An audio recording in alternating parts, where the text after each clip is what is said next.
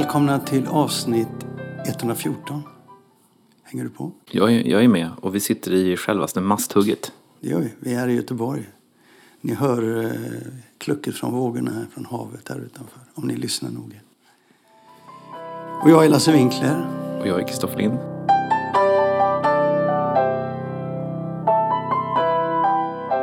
Du Kristoffer, den här gången har vi fått massor av eh, lyssnarreaktioner. Hela Mm. fyra stycken. Ja, Vi tänkte beta av dem. Ja.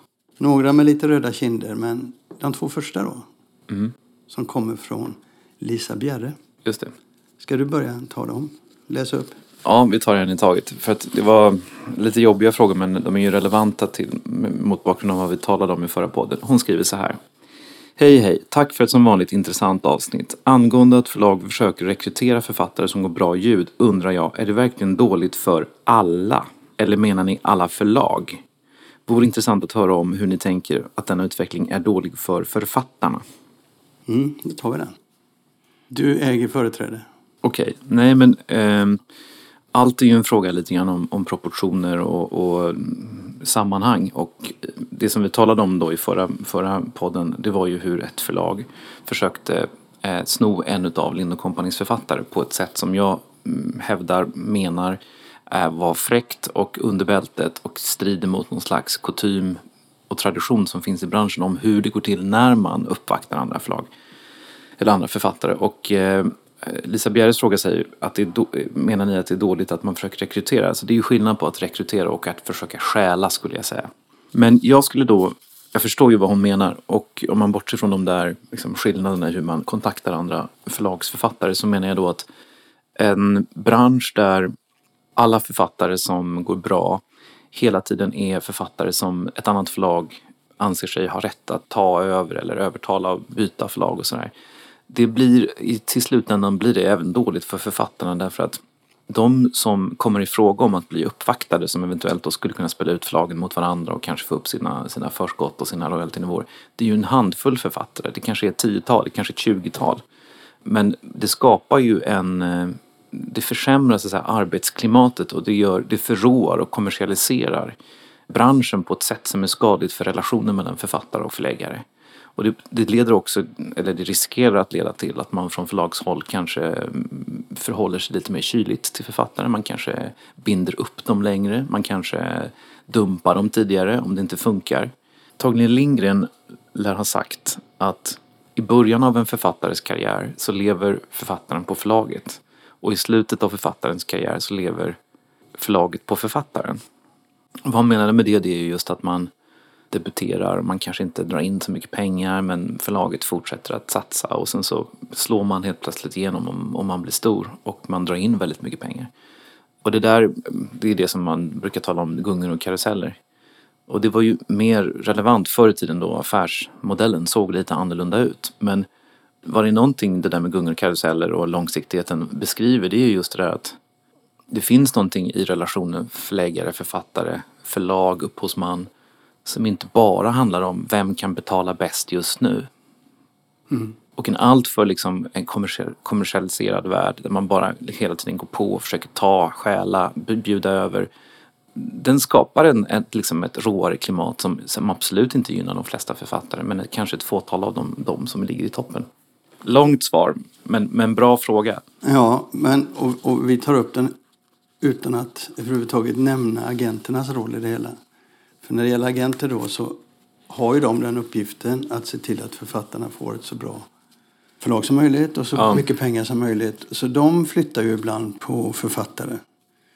Och det tycker jag fungerar så länge man gör det av rätt motiv. Ja. Det finns också där en del fula motiv som kan användas och som inte blir så rena affärer.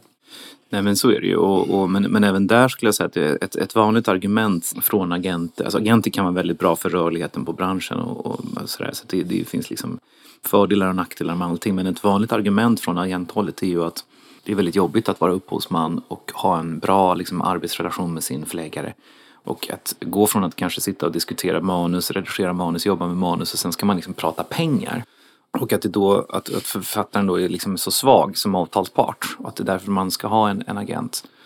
Och det är ju rimligt och det kan man förstå. Och så är det säkert ganska ofta. Men eh, vad man glömmer bort det är ju att förläggarna ofta tycker det är lika jobbigt att prata pengar. Och eh, de allra flesta förläggare är inte liksom slipade ekonomer som eh, försöker få- en så bra deal som möjligt. Utan de flesta förläggare är, är ju också, precis som författarna, folk som bottnar i texter och som kommer därifrån. Och jag- jag skulle nog säga att man när, man har, när det kommer in en författare som har en agent som är väldigt hård, då, då liksom triggar det igång någonting från förlaget också. Det är inte så att vi ger sämre avtal till någon som inte har en agent, skulle jag nog inte säga.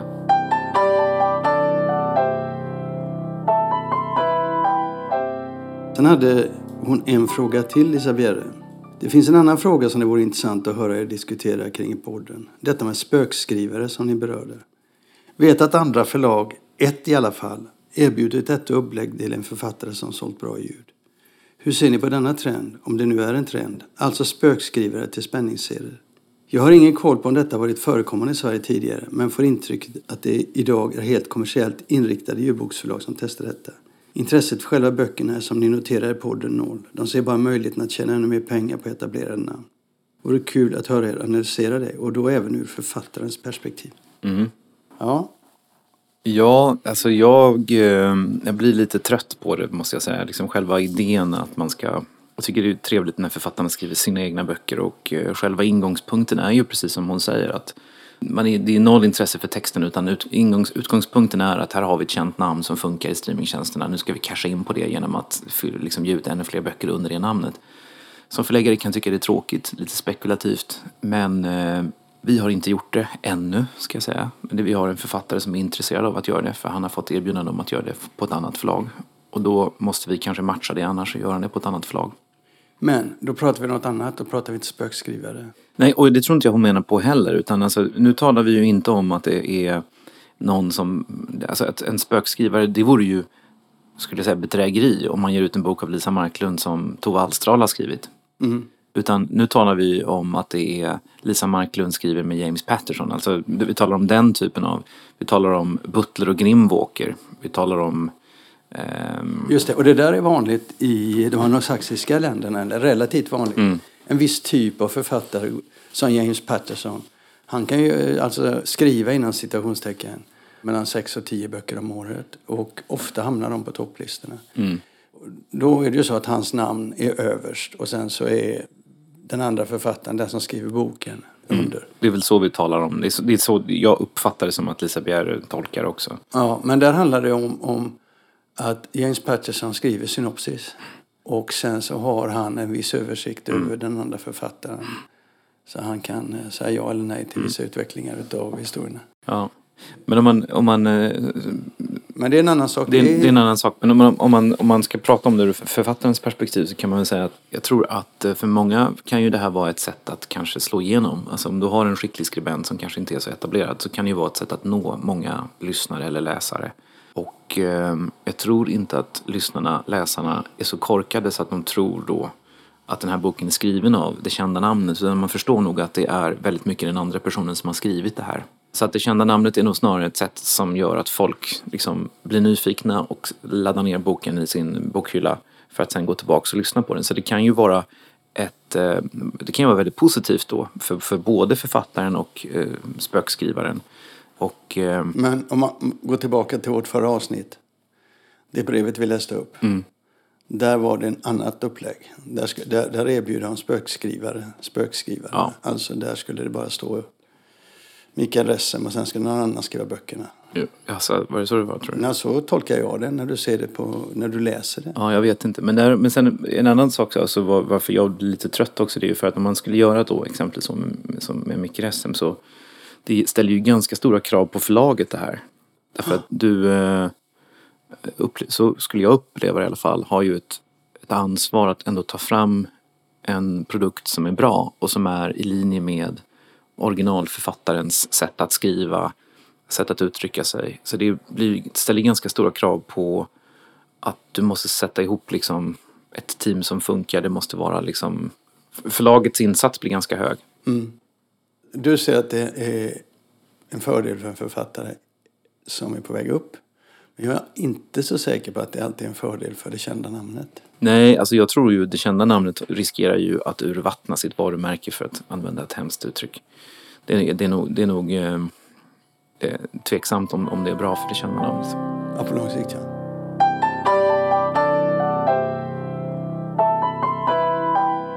Jo, så fick vi en, eh, en, eh, en liten på, påminnelse att vi inte alltid har rätt. Vi får dem ibland.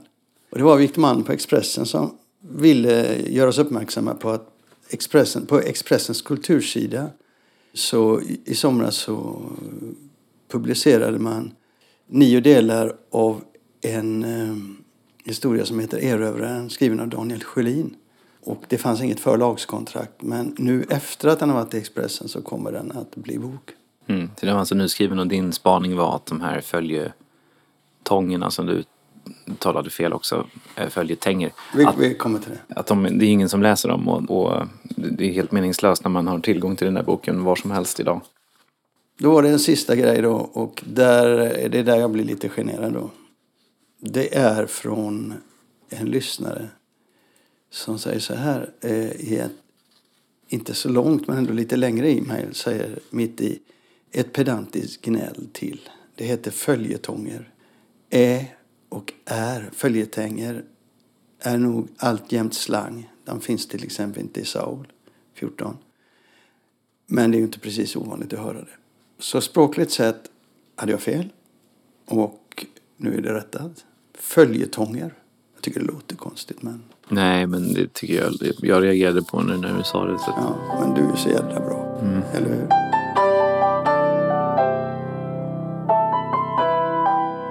Det var en intressant artikel i eh, Financial Times weekendbilaga för någon vecka sedan. Det är synd att det här är radio så att man inte kan visa bilderna här. Men det var, det var intressant statistik som är verkligen talande. Och det är två stycken eh, diagram. Den ena visar Subscriptions Repeat Performance, står det.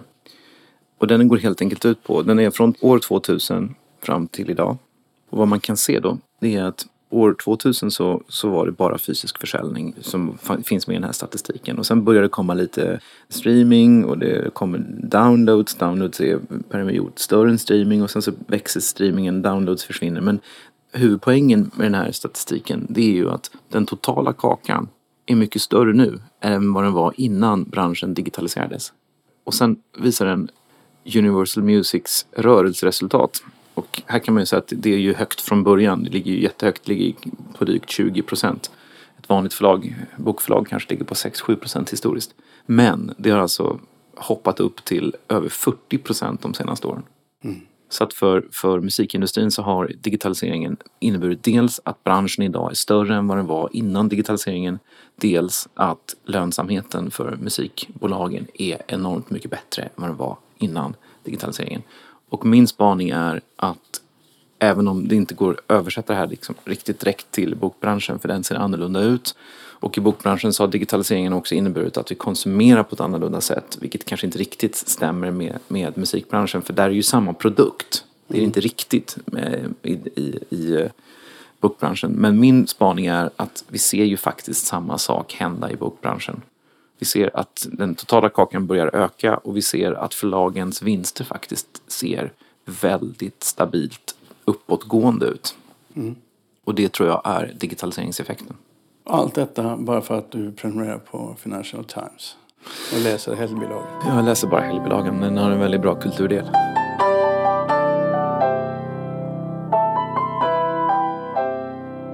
Du kanske ska säga det nu att eh, efter det här så följer ett långt samtal som jag hade med eh, Svensk Bok, en av Svensk Bokhandels två ägare, Thomas Pettersson. Där eh, vi pratar om vad han vill, eller vad de vill med Svensk Bokhandel framöver. Och vi lägger den typen av eh, samtal i slutet av varje podd. Det kommer flera sådana under hösten. För de är ju rätt långa då. Den här är väl kanske 16 minuter. Men för den som är intresserad så finns det mycket att hämta. Absolut. Ja, Thomas Pettersson. Du och Christer Björkin är nya ägare till Svensk Bokhandel, Det stämmer det. branschorganet. Innan jag frågar varför du överhuvudtaget kom på tanken att köpa tidningen så, så vill jag uh, höra lite om din bakgrund. Du har en journalistisk bakgrund. Du, du är mediainvesterare mm. eller vad man ska kalla det nu. Ja, mediaentreprenör kanske ja. man kan kalla det. Men du har en lång journalistisk bakgrund. Jag började som journalist faktiskt. Eh, det var ju jättelänge sedan. Men ekonomijournalist. Första jobbet Svenska Dagbladet. Och sen har jag varit på Dagens Industri och Sveriges Radio och sådär. Innan jag blev entreprenör första gången. Startade E24 eller Ekonomi 24 en sajt. En nyhetssajt om ekonomi och finans på, på 99 när det var den här stora. Största hypen. Ja. Och eh, på den vägen är det. Sen har jag varit journalist, chefredaktör på tidningen Affärsvärlden. De köpte den där sajten faktiskt. Men ja, och en sväng som VD och chefredaktör på TT under fem år. Då ska jag säga att det var inte så mycket journalistik för min del. Jag var mer direktör, köpte bolag och eh, höll på. Och sen har jag fortsatt vara direktör också eh, i mediebranschen som VD för Mittmedia under fem år. Eh, det handlade väldigt mycket om köpa och slå ihop och digitalisera lokaltidningar. Mm. Så att jag har varit i mediebranschen hela tiden och håller på med tidningar och digitalisering. Eh, men började som journalist. Och då tänker man att då borde du vara en som vet vad du gör när du ser eh, projektet Svensk Bokhandel. ja. Vad, vad, vad, såg du där egentligen? Ja, bra fråga. Jag och Christer då, min partner i, i de här affärerna. Vi driver i det dagliga. För ett år sedan så köpte vi tillsammans med Lars-Henrik Friis Molin eh, eh, tidningen Ny Teknik som vi nu driver som är vårt stora projekt. Och då kommer vi tillbaka kan man säga till tidskriftsbranschen och eh, bygger nu eh, Ny Teknik Group som vi kallar det då med mängder av liksom kringtjänster, planer kring den, den titeln som rör sig på ingenjörs och teknikmarknaden. Men när Svensk Bokhandel dök upp så först så såg väl inte vi eh, någon direkt koppling till den existerande businessen och medieverksamheten här men men jag och Christer tyckte att det var så spännande och intressant i sig att vi valde ändå att gå vidare och eh, vara med och ta över tidningen som då är ett separat bolag. Det är ju en mycket, mycket mindre verksamhet men eh, det är en branschtidning som har en stolt historia i en bransch som är, eh, tycker jag, rolig och som har potential att eh, utvecklas framåt. Så det är väl det som är det korta svaret. Mm, men det, det, är sånt här allmänt svar som inte mm. säger så mycket. Utan jag är nyfiken på detaljerna. Vad har, vad har du för strategi nu? Vad tänker du ska hända i framtiden med Svensk Bokhandel? Vi eh, tog över det här strax innan sommaren och sen så har vi jag och Christer börjat lära oss eh, verksamheten. Vi har träffat, eh, liksom, det är ett litet bolag, det är tre, eh, fyra anställda. Vi har en del möten och, och eh, samlar idéer och eh, diskuterar just de här frågorna. Vad, var, vad ska vi göra ehm, med det här varumärket, med den här produkten? Och där finns det fortfarande mer idéer än, tror jag, än, än, än fastslagna planer. Men om man ska liksom prata om vad, vi, vad jag tror är rimligt att tänka sig här på liksom ett till två års sikt så är det ju då till att börja med läsaraffären. Det är en tidning som ändå är en prenumererad tidning för bokbranschens olika aktörer. Och den vill vi utveckla naturligtvis. Den är fortfarande, tycker vi, för liten och den är outvecklad. Den borde kunna bli större och det kräver givetvis att vi utvecklar erbjudandet och eh, satsar på en journalistik som är värd att betala för. Som är angelägen och som är till nytta i vardagen för dig som jobbar i bokbranschen. Så det är det ena. Det andra är väl eh, den stora delen av svensk bokhandel är ju katalogen, katalogerna. Rent ekonomiskt så är det ju det som är bär verksamheten. De är ju roliga på sitt sätt. Det är ju en fantastisk produkt som det är inte många branscher där kataloger finns kvar men här finns det ju en, en katalogprodukt som fungerar fortfarande. Men vi är ju inte naiva och tror att eh, papperskataloger kanske är framtiden utan det är klart att vi kommer att behöva komplettera, bygga nya tjänster, hjälpa förlag att kommunicera med olika typer ja, boksäljare och bibliotek på andra sätt än bara katalogen. Så det är en slags marknadsföringsverksamhet som vi vill utveckla. Och sen så är det utöver det Sånt som man brukar prata om i tidskriftsbranschen, det vill säga mängder av kringtjänster. Det kan vara event inte minst som man kan utveckla. Det kan vara utbildning, nischad utbildning. Sånt som egentligen på något sätt eh, kan härbärgeras av det här varumärket och där vi kan dra nytta av de relationerna som finns runt det här varumärket. Det är en, det är en, en bra plattform att göra affärer ifrån tror vi. om vi är till nytta för branschen. Om vi kan liksom hitta, hitta en roll där, där vi hjälper de olika aktörerna i det här ekosystemet att utveckla sina affärer. Men tro, när du tittar på tidningen idag, mm. där den ligger idag. Tror du att det finns en tillräcklig lojalitet i branschen med tidningen? Det vet jag inte. Det är klart att det finns ständigt, alla sådana här branschtidningar har ju en viss hatkärlek eh, över sig. Så att säga. Det är ju det som är uppgiften också. Det är både att roa och oroa. Och, eh, det, det, jag hör när jag pratar med, med människor i bokbranschen så är det alla känner till tidningen, alla känner till varumärket, alla har åsikter. Många är väldigt positiva men det finns alltid hög, högt ställda förväntningar. Och det finns alltid liksom anekdoter om att man borde gjort något på något annat sätt och så vidare.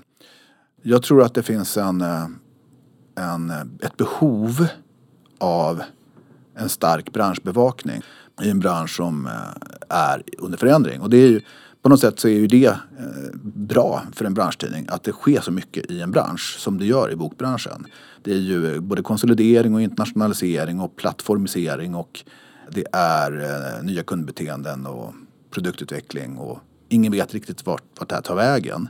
Det är ju en perfekt grogrund tycker jag för en branschtidning att försöka då Eh, dels att fånga de förändringarna, fånga de frågor som hela tiden finns där ute. Som rör sig bland chefer och redaktörer och andra i branschen och på något sätt eh, vägleda eller eh, inspirera eller granska. Men det kan vara olika liksom, angreppssätt på det. Men att det står ju inte stilla i alla fall. Och det är då tror jag att eh, Svensk Bokhandel har en perfekt position att vara en sån aktör. Vilken väg tar ni nu för att positionera er där? För då talar vi om journalistikinnehåll och... Eh... Ja, dels så tycker jag att det, det, digitala behöver förstärkas. Det är klart att det, där är man inte ensam att ha val. Alltså, alla tidningar kommer från en printprodukt och eh, sen har man varit olika snabb in i det digitala. Och, eh, man jämför med andra mediabranschtidningar utan att nämna några så är det tydligt att liksom det, det, är mer print än digitalt i svensk bokhandel. Och så det tror vi kommer behöva jobba mycket på för det handlar både om att ställa om affären och att ställa om journalistiken.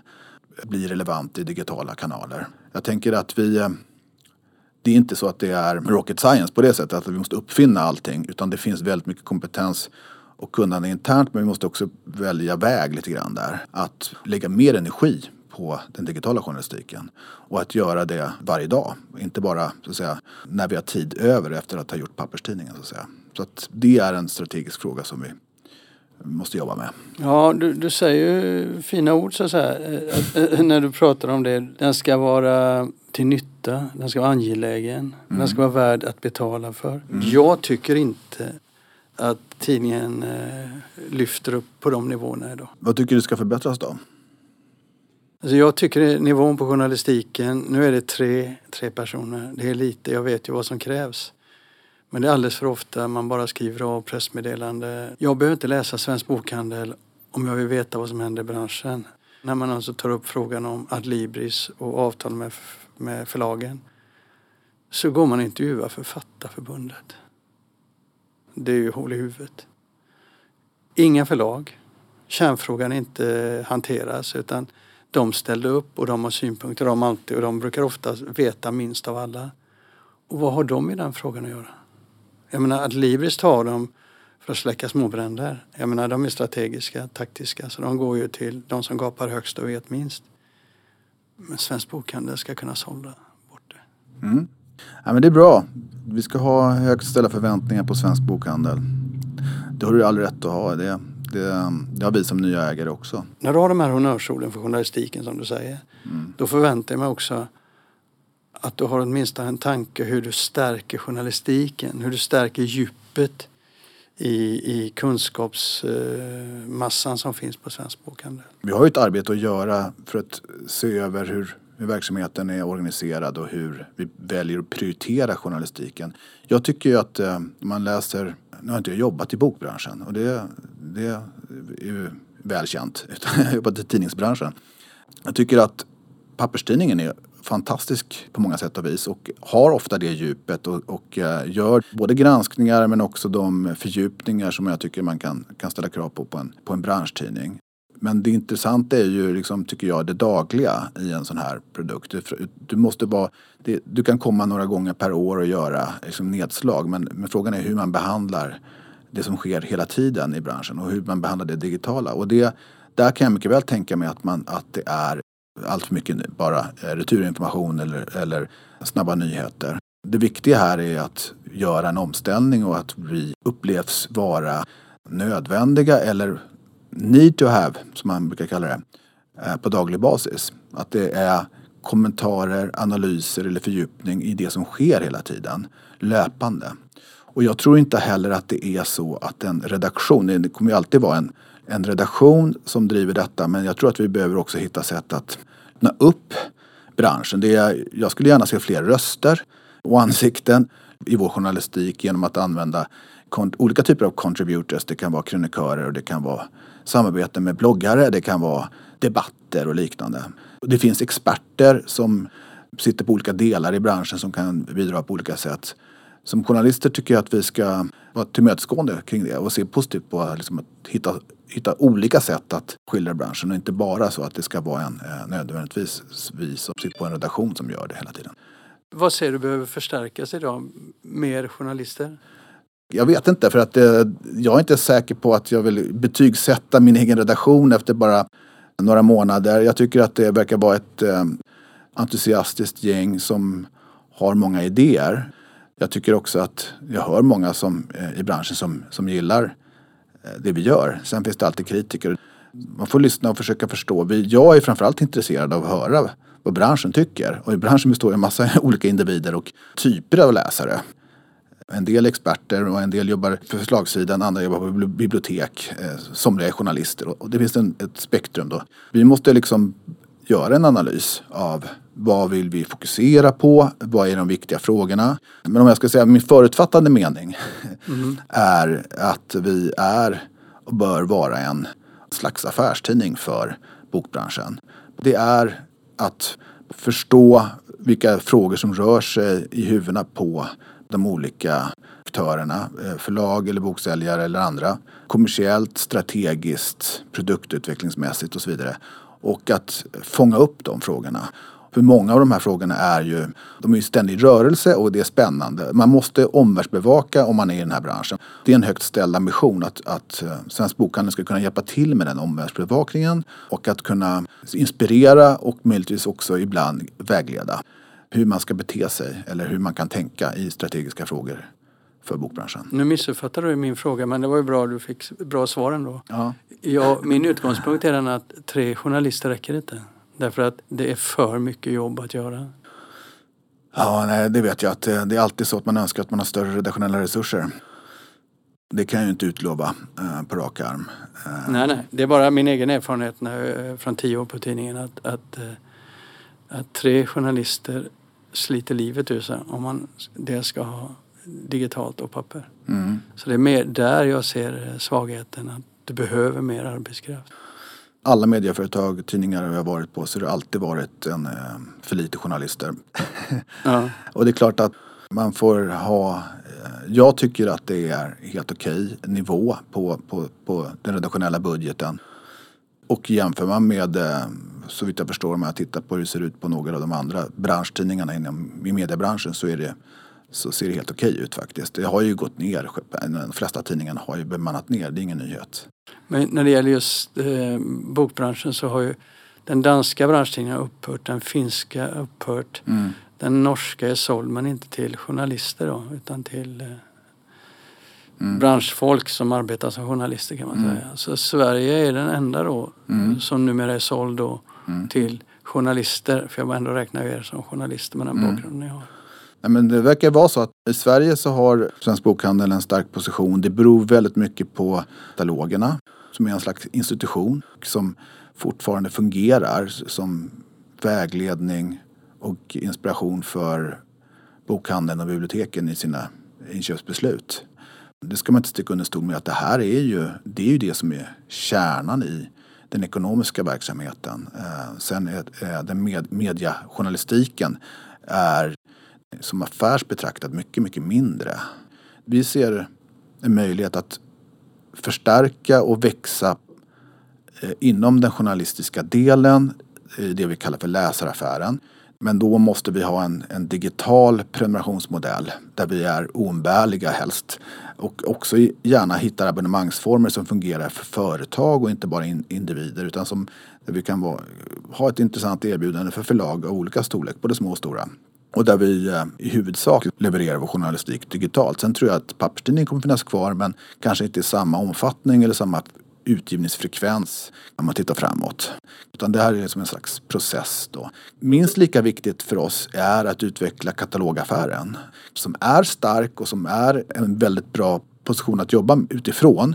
Men vi måste bli duktiga på att hjälpa förlag och andra med bokmarknadsföring kan man säga i andra kanaler också. Och där är det ju klart att eh, det har vi redan börjat med. Det, det sker både, vi har redan nu produkter inom videopresentationer av, eh, med författarsamtal och vi håller på att experimentera. Och det finns eh, olika typer av tjänster som man kan nästan säga är som en slags contentbyrå för, för, bok, eh, för bokbranschen eh, som vi vill utveckla.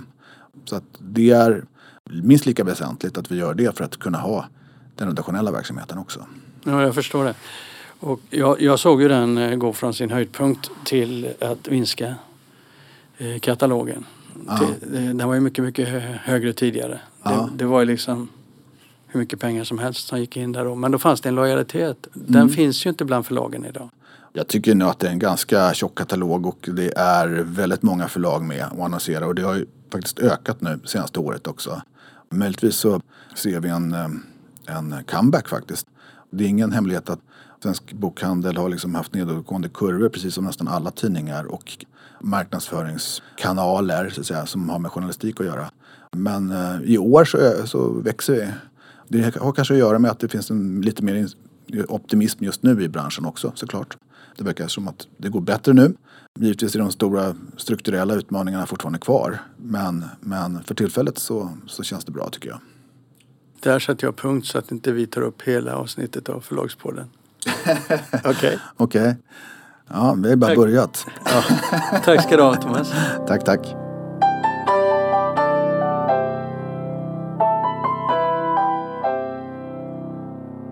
Och det var allt för detta innehållsrika avsnitt. Mm, det var det. Vi ses om en vecka, eller hörs om en vecka. Det gör vi. Hej då. Hej då.